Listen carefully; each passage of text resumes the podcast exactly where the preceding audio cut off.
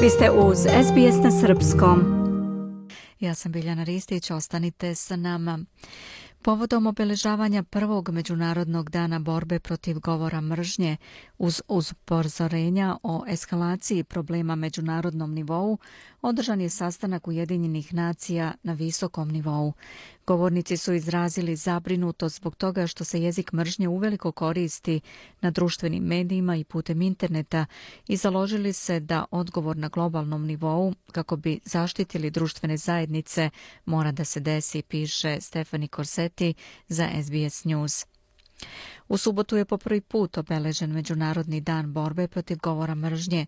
Generalna skupština Ujedinjenih nacija odredila je 18. jun za obeležavanje ovog dana, nakon što je generalni sekretar Antonio Guterres upozorio na tsunami mržnje i ksenofobije, nepravednog svaljivanja krivice, stigmatizacije i korišćenja omalovožavajućeg, mizoginog, rasističkog, islamofobog i antisemitskog jezika koji je preplavio svet.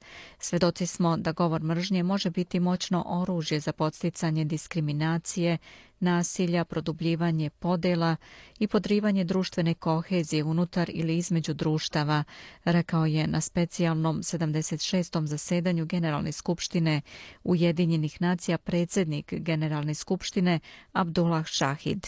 To address this challenge in a comprehensive manner,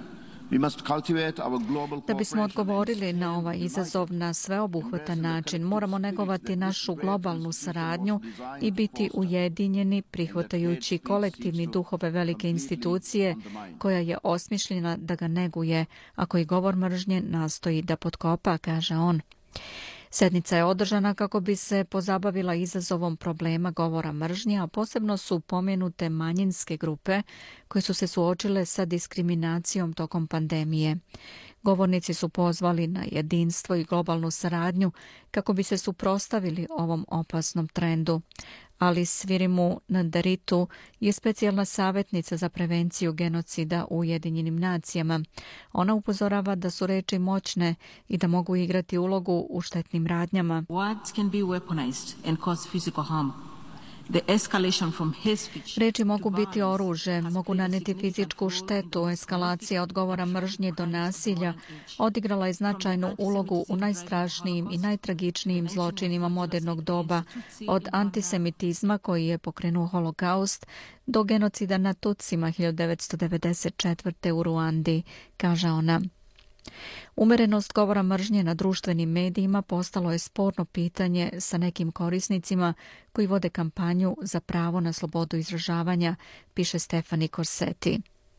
Ujedinjene nacije imaju globalnu strategiju za borbu protiv govora mržnje koja naglašava potrebu da se suprostavlja mržnji holistički i uz puno poštovanje slobode mišljenja i izražavanja u saradnji sa relevantnim akterima uključujući organizacije civilnog društva, verske vođe, medijske kuće, tehnološke kompanije i platforme društvenih medija. Generalni sekretar Ujedinjenih nacija Antonio Guterres ranije rekao da je svačiji posao na svetu da se bori protiv mržnje. Ujedinjene nacije definišu govor mržnje kao svaki oblik komunikacije u govoru, pisanju ili ponašanju koji napada ili koristi požrtvovani ili diskriminatorni jezik u odnosu na osobu ili grupu na osnovu njihovih odlika, njihove vere, etničke pripadnosti, nacionalnosti, rase, boje kože, porekla, pola ili drugih oblika. Ovo je često ukorenjeno i stvara netoleranciju i mržnju i u određenim kontekstima može biti ponižavajući i izaziva podele. Govor mržnje hrani se mešavinom straha, neznanja, besa, nezdravog grupnog ponašanja, egoistične želje za ličnom dobiti i anonimnošću delovanja iza ekrana. To može biti vrlo neobavezno, kao što je online komentar na medijski članak, sliku ili izjavu na društvenim mrežama ili vrlo eksplicitno pozivanje na akciju van internet prostora. U izvesnoj meri to je i kolateralni efekat ekstremnog individualizma, a u nekim kontekstima i rezultat i uzrok slabljenja demokratskih procesa. Postoji različiti nivoji težine u posticanju mržnje kojima se mora marljivo baviti kroz javnu osudu, pravne i sudske akcije, informisanje i obrazovanje, smatraju u Ujedinjenim nacijama. Želite da čujete još priča poput ove? Slušajte nas na Apple Podcast, Google Podcast, Spotify ili odakle god slušate podcast.